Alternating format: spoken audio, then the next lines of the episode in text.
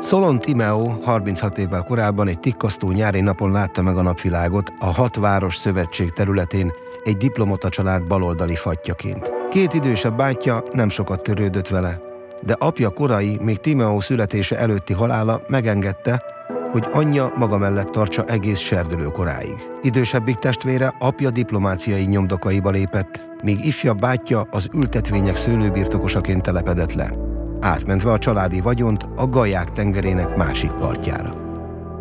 Amit hallunk, egy szerepjátékos karakter előtörténetének első néhány sora. András írta. András, aki jelenleg a szombathelyi fegyházban ül a szerepjátékos gyilkosságban elítéltként, és aki 12 éves kora óta szerepjátékozik. András a második találkozásunk előtt üzent az ügyvédjével. Ha tudunk, vigyünk magunkkal az interjúknál, pláne a börtönbeli interjúknál némileg szokatlannak számító kelléket. Két dobókockát. András aznap az interjú közben rövid bemutatót tart nekünk arról, hogyan képzeljük el a szerepjátékozást. Ő a mesélő.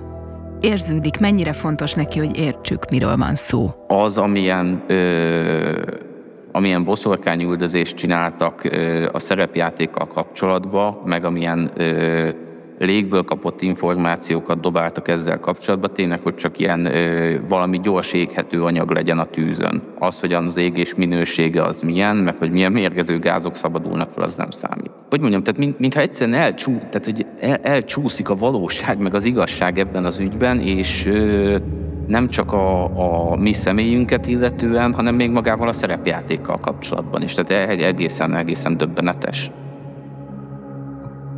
Ebben az epizódban megismerjük a szerepjátékos ügy egyik elítéltjét, Andrást, aki az ítélet szerint ténylegesen leszúrta Krisztiánt, de aki a másik elítélthez Gergőhöz hasonlóan a mai napig kitart ártatlansága mellett, és beszélni fogunk a gyilkos fegyverről is. Gyilkosságról beszélünk. Előre kitervelt gyilkosság. Már nem szerepjátékok bűvöletében. megsértette a fantáziavilág becsületkódexét. Nincsenek közvetlen bizonyítékok, se szemtanú, se nyom. ösztönössége nem zárják ki, hogy bűncselekményeket kövessenek. Köteles a legjobb tudomása szerint az igazat vallani. Bevallották, hogy megöltek valakit. Megölte a Krisztiánt? Nem. Ki kell, hogy derüljön az igazság.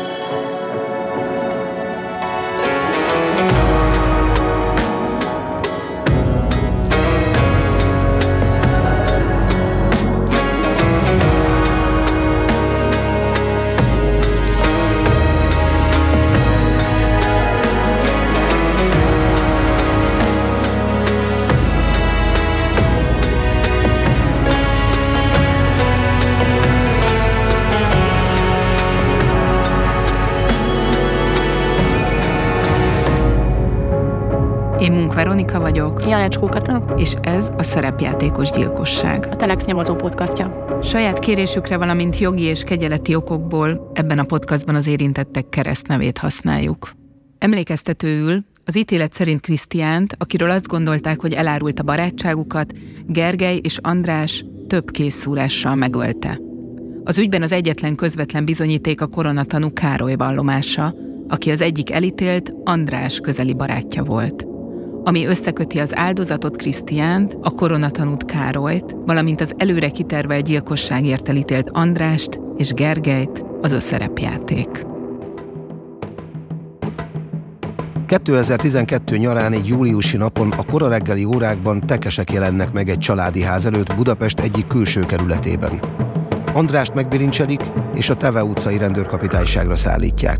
Mi Katával jártunk ebben a házban, ahol korábban András is lakott, András édesapjánál, Sándornál. Ezt rögtön a látogatás után vettük fel. Itt vagyunk az autóban, most köszöntünk el András édesapjától, és indulunk vissza a városba. Budapest eléggé külső részén, tehát a belvárostól egy jó fél óra autóútra kertvárosi környéken vagyunk, nagyon szép házakkal. A Sándor háza is egy rendkívül nagy ház. Két szintes biztos óriási. Nagy, tágas. nagy tágas ebédlő, vagy ilyen hal részsel, ahol Sándor ugye vadász, és ö, relikviák vannak, vadászati relikviák a, a falon. Mondta is, hogy egy impala a kedvenc ö, legkedvesebb Trófeája. trófeája. Egy kifejezetten jó környéken voltunk, egy kifejezetten szép házban, ami nagyon üresnek érződött. Így én most a Sándor egyedül lakik, hogy az András börtönben van. András macskájával osztja meg ezt a házat, és nyomasztó ürességet lehet, lehet érezni. Ilyen szomorú, hogy így, így hatalmas terek vannak, és olyan kevés abban az egy ember. Igen, könnyű, könnyű elképzelni azt, hogy mennyire más lehetett ez a tér, amikor ez még a, a történetünk elkezdődése előtt hogy ez nyilván egy ekkora házban többen laktak, ott élt az András, ugye mesélte is a Sándor, hogy ide jött ki a tek, és ezt vette körbe.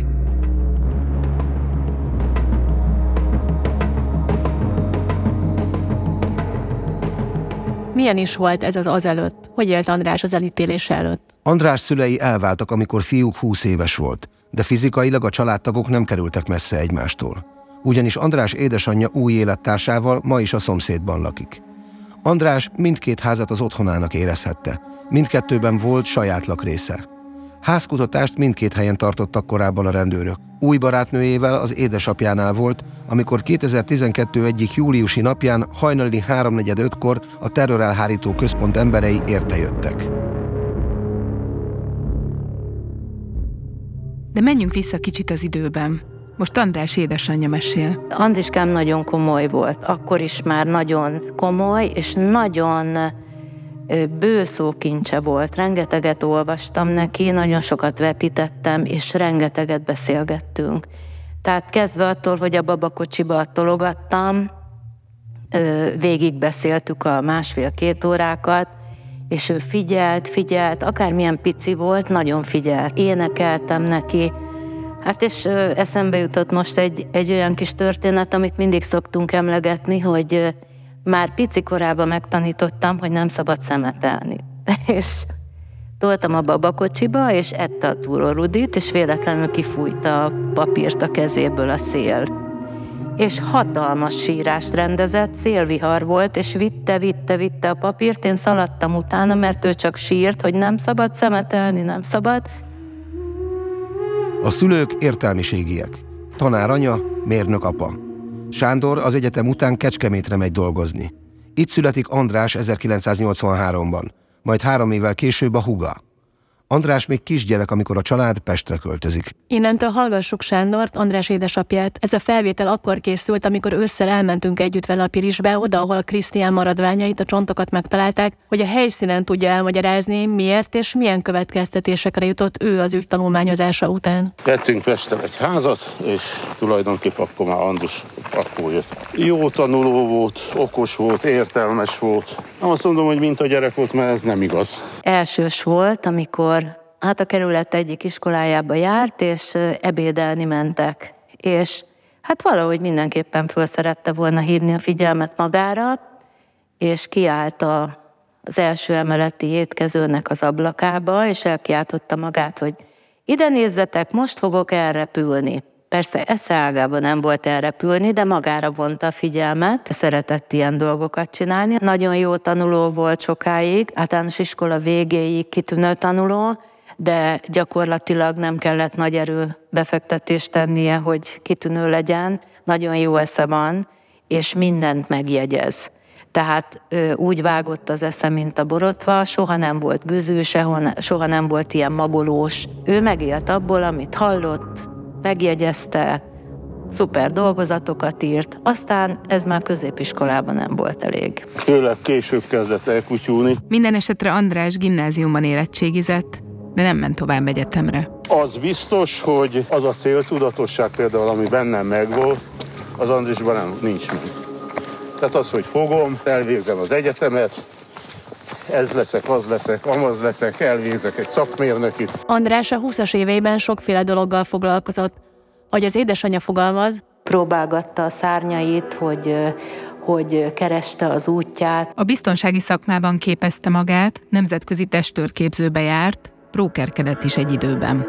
2008-2009 körül András egy hotel recepcióján dolgozott. Gergő mellé került tanoncnak, itt ismerkedett meg egymással a két későbbi elítélt.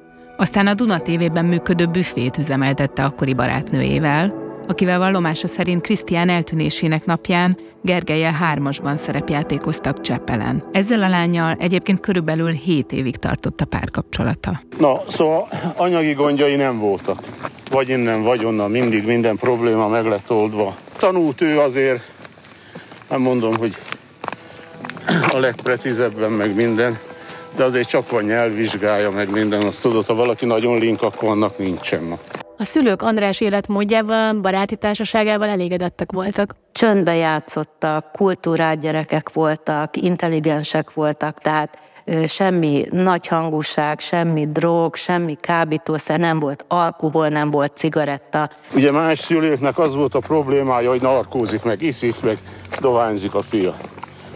Nekem ilyen problémám nem volt, a társasága is, akiket én megismertem, normális gyerekek voltak, azok se itt. Volt, amikor megkérdeztem, nem, nem iszol, nem azt mondja, mi nem iszunk. Olyan mély és őszinte köztünk a kapcsolat, hogy egy tekintetből lehet látni, tudni, hogy, ö, hogy ő igazat mond, és nem tudná elleplezni, de szerintem nem is leplezni el előlem. Szerintem ő egy olyan ember, aki, hogyha elkövetett volna valamit, vállalná is érte. Tudná azt, hogy ez nagyon ócska, nagyon vacak, de ez jár érte. Abszolút hiszek az ártatlanságában, és nem is úgy fogalmaznék, hogy hiszek, hanem tudom, hogy ártatlan.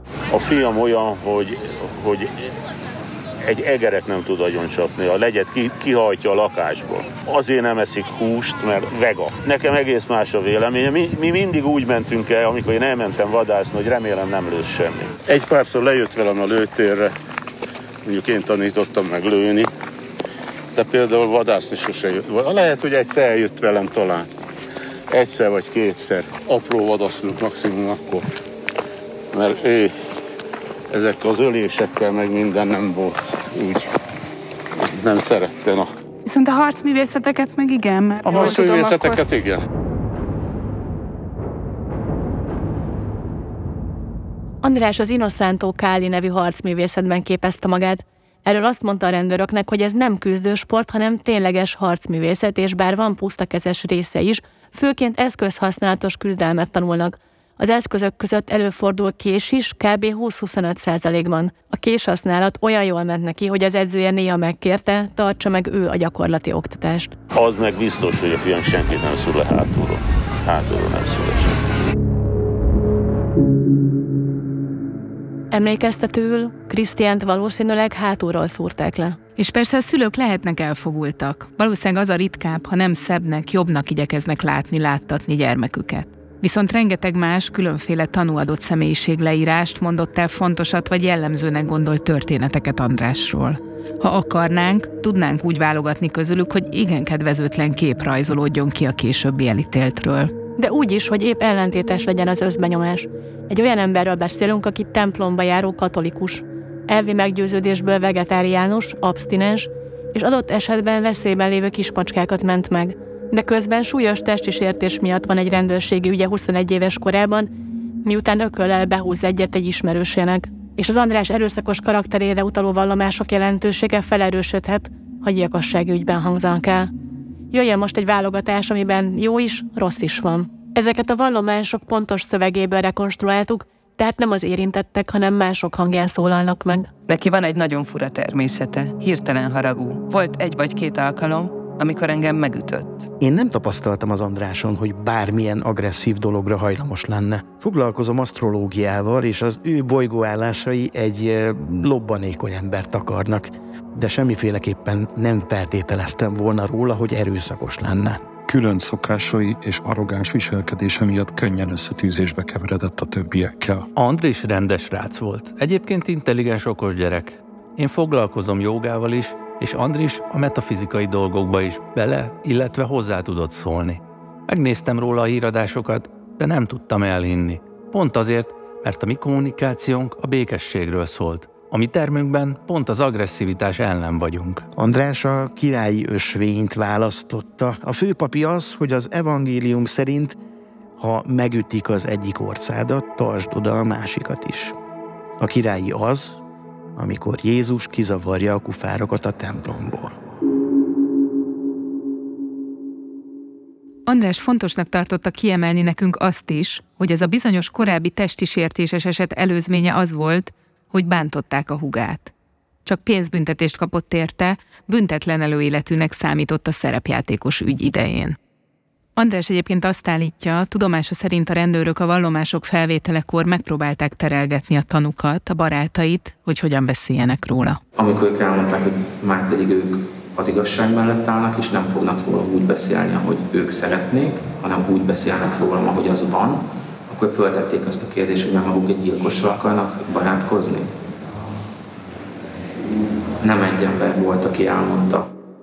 Köztük volt például András volt, Cseppeli barátnője is, aki a vallomásában még agresszívnek írta le Andrást, de aztán a tárgyalási szakban már visszakozott ez ügyben. Mondván, a rendőrök befolyásolták őt. A jó barát, az Andrással együtt elítélt Gergő persze azok közé tartozik, akik dicsérik. Egy pozitív, és spirituális irányultságú személy, akinek nagyon fontos az, hogy a hétköznapokban is jót tudjon tenni, ez a lelki békéhez szükséges, ezt elsősorban az állatokkal való gondoskodásban, a vallási életben, illetve a vegetáriánus vonalában, az ehhez hasonló dolgokban találja meg, e, és mindenképpen egy aktív e, típusú személyiség, aki szintén nagyon sok mindenbe belekezdett már, és nagyon sok minden megvalósult volna az életében, hogy az utóbbi tíz év nem így alakul.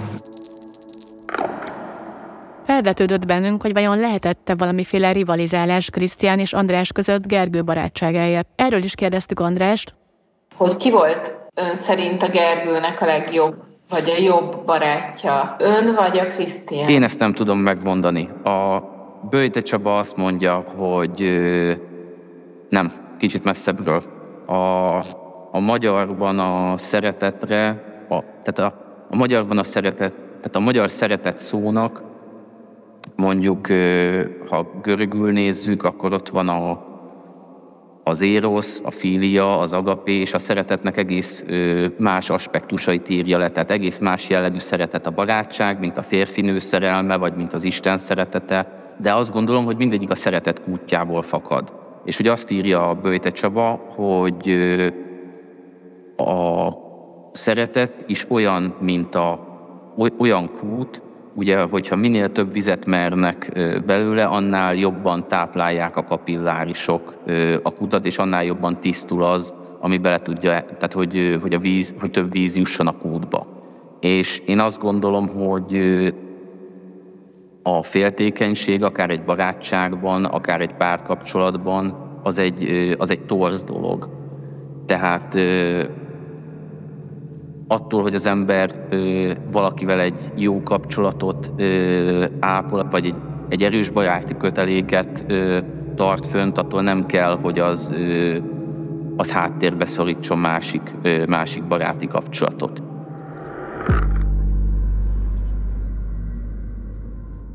András megítéléséhez van még egy szemszög, amit mindenképp meg kell ismernünk. Ez a szemszög két András számára különösen fontos ember egybehangzó véleménye. Az egyik ember András egykori szerelme. A másik a régió barát és mentor, az ügy koronatanúja Károly, aki már az egykori szerelem férje. Károlytól, akinek az önkéntes vallomása nélkül András ma valószínűleg nem ülne börtönben, talán várható, hogy az Andrásról sötét képet festők közé tartozik. A férfiéval szinte minden pontban egybehangzó, azt megerősítő véleményt fogalmazott meg a felesége.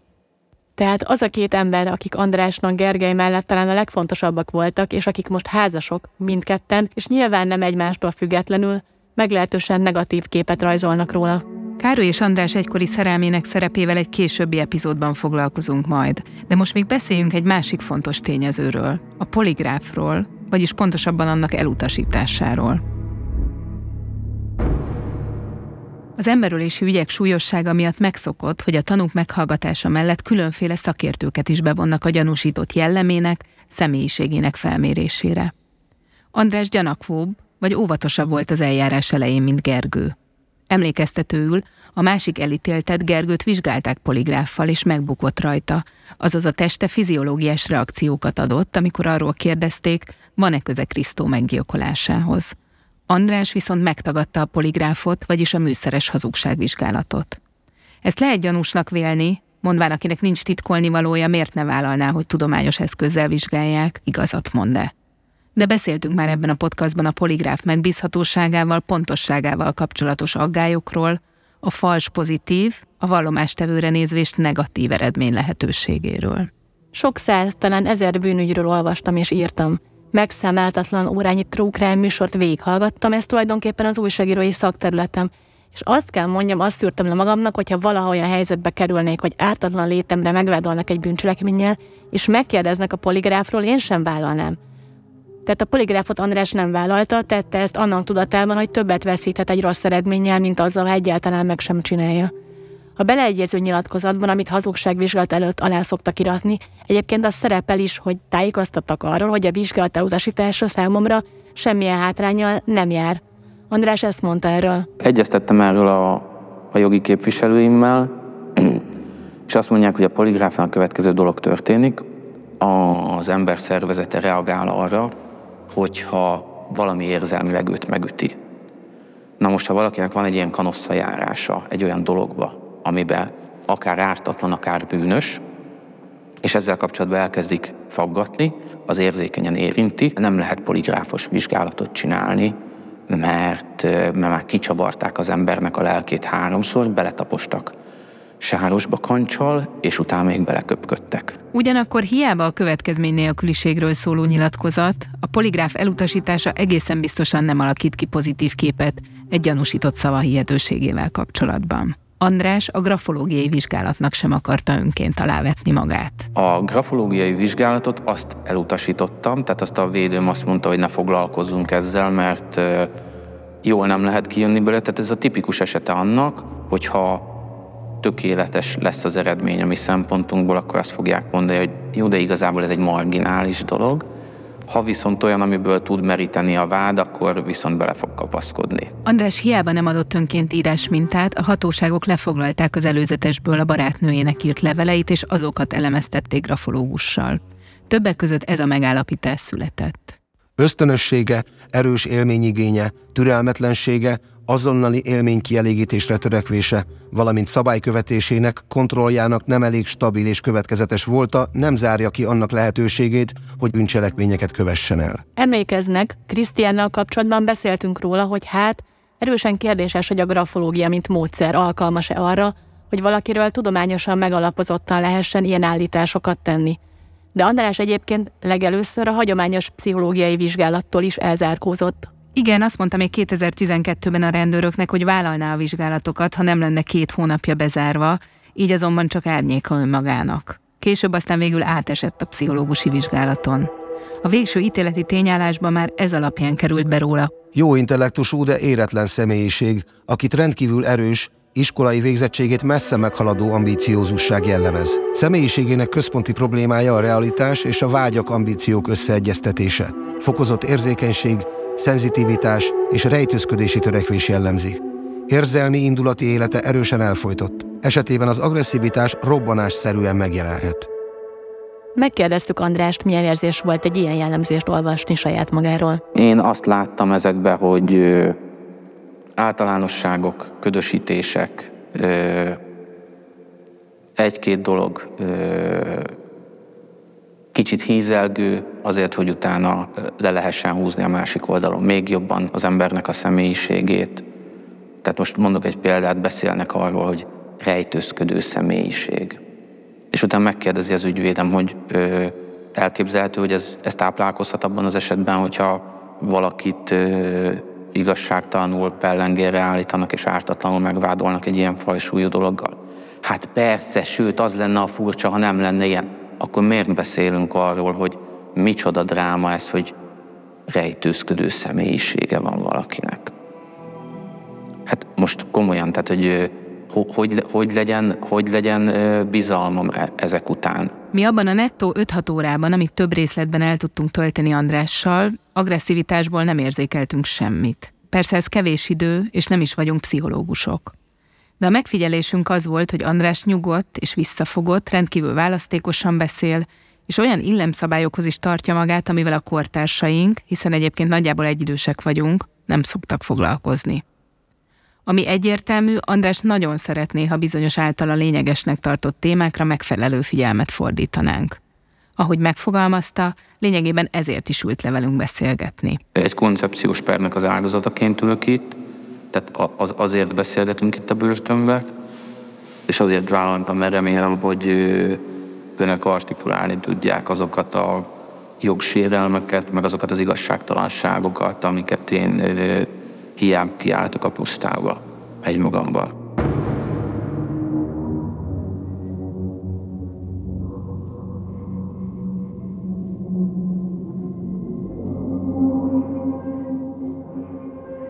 András mélyen beleásta magát a nyomozati és szakértői anyagokba, komoly tudással felvértezve, igaz a szilárd tudatában igyekezett megküzdeni, nyilván védői segítséggel, a vele szemben általa ellenségesnek tartott igazságszolgáltatással. A nyomokkal, bűnjelekkel és azok furcsaságaival részletesen foglalkozunk majd több epizódban is. Most csak példaként röviden hallgassunk bele abba, hogy egy A26-os helyre beültetett műfoggyökér és egy nem stimmelő név miatt András egy országok fogászatain átívelő szakorvosi véleményt kritizál.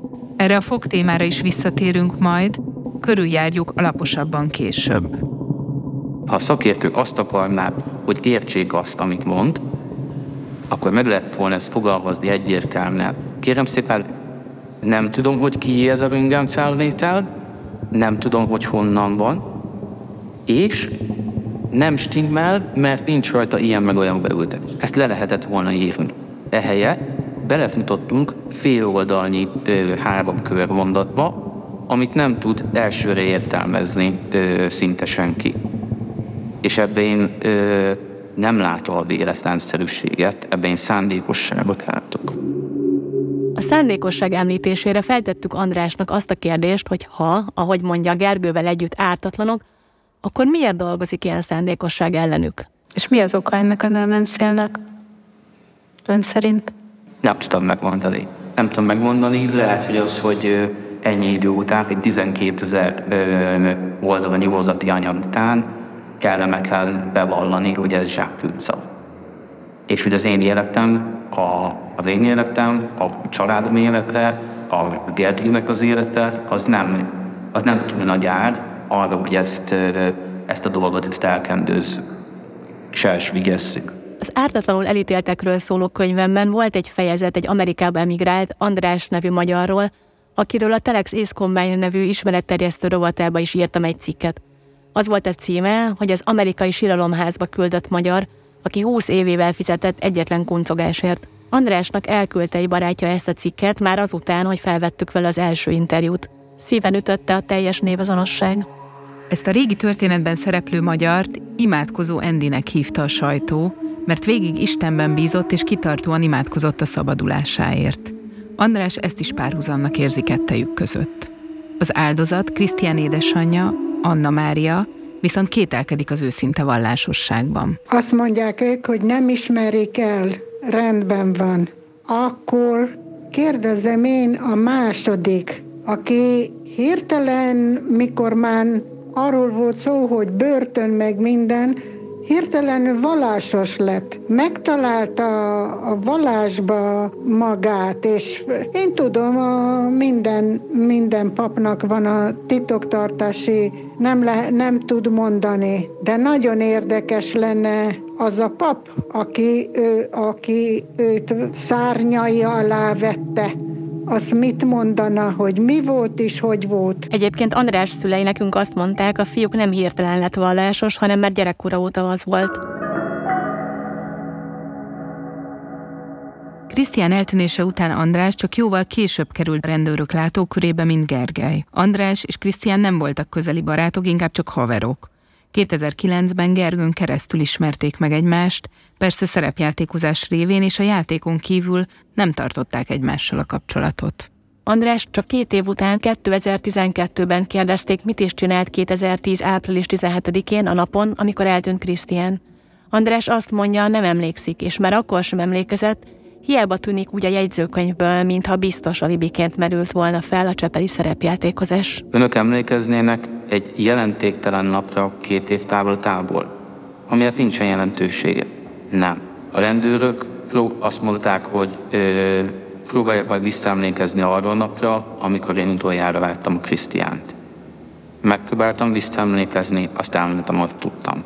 De hogy az április 17-én volt, vagy egy héttel korábban, vagy két héttel korábban. Beszéltünk már róla itt a podcastban. Gergő, akit tanúként Andráshoz képest viszonylag hamar kihallgattak, szintén azt állítja, hogy nem biztos abban, mi történt azon az április 17-én. András akkori barátnője is lényegében csak annyit tudott elmondani a rendőröknek, hogy volt olyan szombat azon a tavaszon, amikor együtt játszott Gergővel és Andrással náluk, Cseppelen, de hogy pontosan melyik volt ez a nap, azt nem tudta megmondani. Annyit leellenőriztek a nyomozók, hogy a lány részéről szóba jöhetett játékra ez a bizonyos április 17-e. Levelezőn tanult, és voltak időnként hétvégén tanórái, de megnézték, és Krisztián eltűnésének a napján pont üres volt az órarendje. És hogy ennek az egésznek miért van ekkora jelentősége?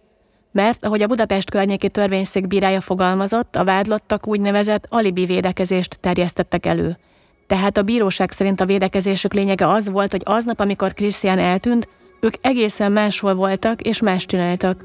És hát ebbe az alibibe piszkált bele Gergő már korábban tárgyalt készsérülése, pontosabban az, hogy április 17-én délután fél háromkor bejelentkezett egy hetedik kerületi baleseti ambulancián.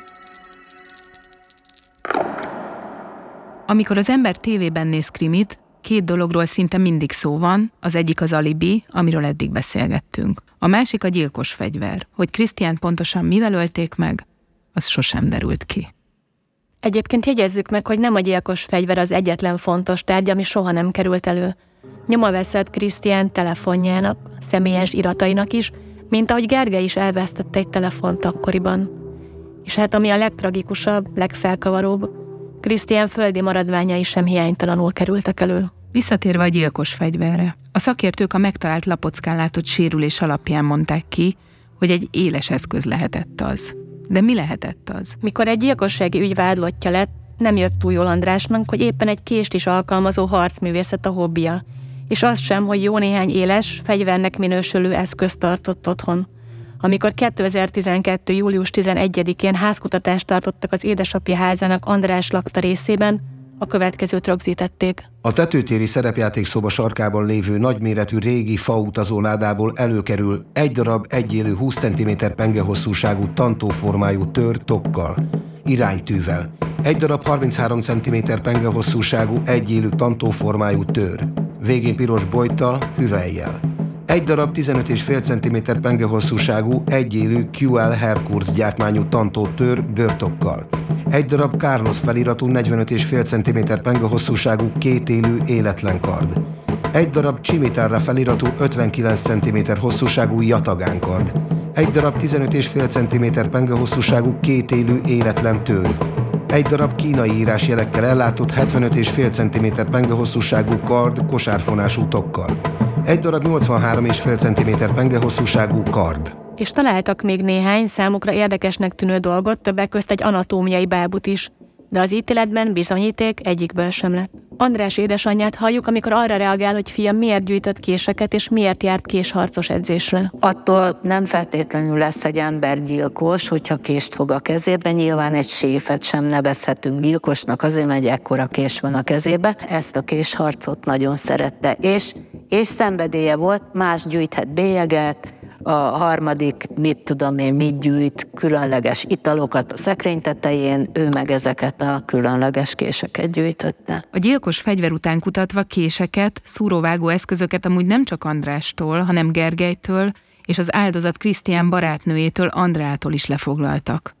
A nyomszakértőnek összesen 15 eszközt adtak oda a rendőrök még 2012 őszén, hogy nézze meg a lapocka csonton található sérülés, illetve a megtalált ruhadarabok szakadásai származhatnak-e bármelyiktől. Az eredménnyel nem sokra mentek. A szakértő azt állapította meg, hogy a 15 eszközből néhány alkalmas, néhány pedig nem ilyen típusú sérülések okozására. Egész konkrétan összesen hat eszközt, négy összecsukható kést és két dísztört találtak alkalmasnak. Természetesen a nyomozók azt is megnézették, található-e bármelyiken vérnyom. 14 eszközön negatív lett az eredmény, de volt egyetlen valami, amin azonosítottak némi vérgyanús szennyeződést. Ez egy kb. 13 centi penge hosszúságú, sárga fémből készült, tört formázó levélbontó volt. csak hogy ez a tompa életlen levélbontó azok közé az eszközök közé tartozott, amelyeket alkalmatlannak talált a szakértő a kérdéseshez hasonló szúrt sérülés okozására. Az ügyészség szerint viszont nem különösebben furcsa, hogy a gyilkos fegyver végül nem került elő. Nisóci József Levente, az ügyben eljáró ügyészség szóvívője azt mondja, A gyilkos eszköz nem került elő. Egyébként életszerűtlen is lett volna, hogy előkerülni, hiszen valaki egyhez használ egy eszközt, általában, ha csak nincsen valamilyen különös devianciája, nem tartja magánál, hanem igyekszik tőle ugye nyilván megszabadulni. Az ügyész azt mondja, egy fontos bizonyíték hiánya szinte természetes. Egyébként a hatóságok a gyilkosságra sem találtak meggyőzőnek tűnő indítékot, mint ahogy az elítéltek alibiét sem sikerült teljes mértékben megcáfolniuk. András mindezek alapján keserűen összegez, a fegyverrel kapcsolatban is a hatósági eljárás furcsaságait emelik ki. Ez egy tragikomédia. És most így úgy tűnhet, hogy én nem veszem komolyan ezt a dolgot, de hogy mondjam, az ember önvédelmi rendszerének a humorérzék az egyik legfontosabb pillére. Mondjuk a, nyilván a hite, meg a szellemi elköteleződései mellett, meg a, az egészséges táplálkozás, meg testmozgás mellett.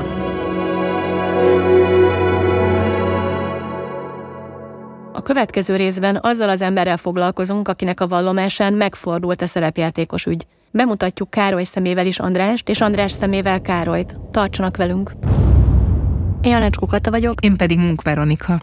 És ez a szerepjátékos gyilkosság a Telex nyomozó podcastja. Hamarosan jövünk a következő epizóddal. Engedjék meg, hogy ajánljam a Telex többi podcastját is. A Telex csapata új, izgalmas podcastokkal jelentkezik. Ha a közélet érdekli, akkor a téma. Ha a könnyű zene, akkor az After, ha a gasztrovilág, akkor az ízfokozó az ön podcastja. Hallgassa itt a Telexen az új podcastjainkat, vagy ott, ahol általában podcastet hallgat. Köszönjük a Holland Veronika Alapítványnak, hogy támogatta a podcastunkat.